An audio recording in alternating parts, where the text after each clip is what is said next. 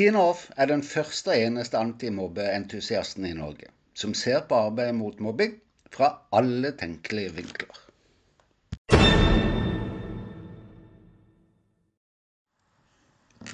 Har du fått med deg all markedsføringen om hvordan bli effektiv etter pandemien?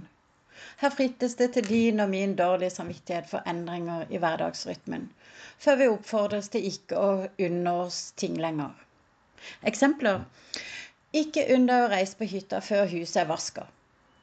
Eller ta medlemskap på treningssenter og bli som før. Altså at kiloene hjemmekontorsituasjonen kanskje har medført. Kan jeg la det ligge der og si at jeg har tenkt å foreslå i dag overhodet ikke fritter til din samvittighet? Tåler du et forslag som utfordrer og vil kreve litt tankevirksomhet i sommerferien? Klart du gjør! Velkommen til episode 35. Skoleårets slutt er for skolefolk litt som nyttårsaften for deg og nå meg. Det høres kanskje litt rart ut, men la, bare for å forklare. Da jeg var lærer, gikk de første ukene med til å slippe taket på alle elevene jeg hadde. Reflektere over om jeg hadde rukket alt, maksimert alles potensialer, om jeg hadde nådd fram til alle, fanga alles behov, om det nå ville gå de bra i sommer eller der ute i den store verden og hva jeg kunne ta med meg av lærdom til neste år og justere. Denne runden med meg sjøl er noe alle lærere vil kjenne seg igjen i. I tillegg kommer de mer vanlige overganger til ferier, som å avklimatisere seg etter et tøft år på så mange områder. Finne roen, koble ut jobbhjernen, fylle dagen med egne barn og familie. Ha tid sammen Ingen frister som venter, ingen gjøremål, ingen huskeliste osv. Og, og slik skal situasjonen altså være i noen uker framover. Fantastisk, ikke sant? Hvis du ikke er lærer, men kanskje et FAU-medlem, en rektor eller skoleleder, eller bare en mamma og en pappa. Ja, bonus teller akkurat like mye er det å herme etter lærerens nyttårsaften i forbindelse med arbeidet mot mobbing og mobbesaker en knallgod ting å gjøre for deg sjøl. Jeg skal forklare. Men først. I avisa Fedrelandsvennen, eller Fevennen som vi kaller det her på Sørlandet, skrev professor ved Universitetet i Agder, Ingrid Lund, 15.6 i år som følger. Undersøkelse fra Norse viser at det er klare sammenhenger mellom hvor lang tid det tar å løse en skolemiljøsak, og kvaliteten på samarbeidsdialogene mellom foreldre og skolens ledelse og lærere. Denne undersøkelsen som hun viser til, har sett på 110 skolemiljøsaker, altså mobbesaker, og har gjort intervjuer med skoleledere og statsforvaltere, altså fylkesmann.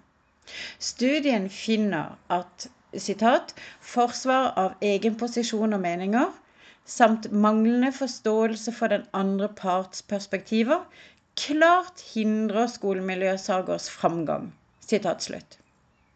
Her tipper jeg mange kjenner seg igjen blant foreldrene, som heller ikke i denne undersøkelsen har fått en stemme.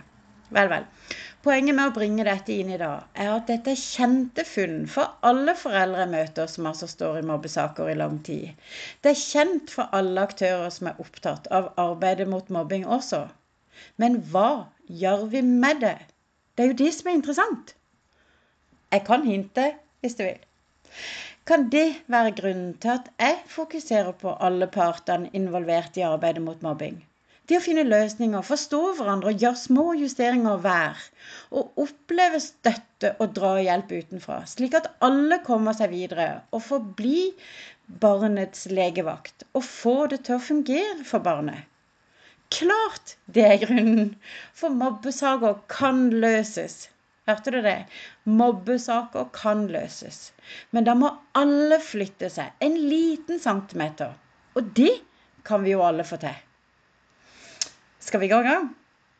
Her er mine forslag til ferieaktivitet. Det blir jo da forslag to, da, for jeg hadde jo en forrige uke også. Punkt 1. Finn helt konkrete svar på spørsmålet.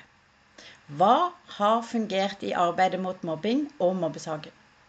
Punkt to, og kanskje lettere, finn eksempler på hva som ikke har fungert. Ja, har du gjort oppgaven jeg oppfordrer til i episode 31, så kan du ta et gjensyn med disse punktene og se om det er noe du har å legge til eller trekke fra. Punkt tre. Skriv punktene ned. For det er bevisstgjørende for hva det må tas tak i neste år, og hva som kan beholdes. Punkt fire. Hvilket perspektiv eller blikk har du notert punktene i? Er det slik ting har fungert for deg i samarbeidet med skolen eller hjemmet, eller er det barnets behov du har sett og tatt som utgangspunkt? Kanskje det var litt slemt av meg å ikke ta det opp først, men det er lurt at det som ramler først ned i tankene dine, er det som kommer ned på papiret, tenker jeg da. Kan du gjøre det samme på de andre to områdene, slik at du dekker en kolonne med positive og negative sider for deg. Og så for barnet. Og så for samarbeidet skole-hjem. Siste punktet, punkt fem. Ta deg tid til å kvitte deg med følelsene som følger med et samarbeid som ikke fungerer. Ikke oppleves til bedring for barnet osv. Finn selvtilliten din som forelder, som yrkesutøver, som enkeltindivid. Du duger nemlig og tillat deg sjøl å samle overskudd. Og gjennom de små øyeblikk, søvn og god mat i godt selskap, nemlig familien. Og le. Lov meg at du prøver å le så mye du bare kan. Det gjør deg godt, sier de som har greie på det. Dessuten føles det så deilig. Nei, nå, nå sporer jeg helt av. OK, til slutt. Til mine elever har jeg alltid sagt våg å prøve. Stup og så lover jeg at jeg står ved din side og støtter deg gjennom hele læringsprosessen. La meg få si det samme til deg. Våg å bruke sommerferien på å kvitte deg med de tingene du har funnet ut ikke fungerer. Og så, hvis du ønsker det, kan du bli med i min klasse og få støtte og drahjelp gjennom hele skoleåret. Vi kan starte med et digitalt treff først, like før skolestart, slik at du får noen konkrete ting du kan starte normalhverdagen med. På den måten kan du også teste meg ut, samtidig som du kan se om min arbeidsform kan fungere og være til nytte for deg i din situasjon. Men jeg anbefaler virkelig at du bruker ferien på å jobbe med å heise haken akkurat en liten centimeter. Virkelig. Men først. Og husker du teknikken? 5, 4, 3, 2, 1.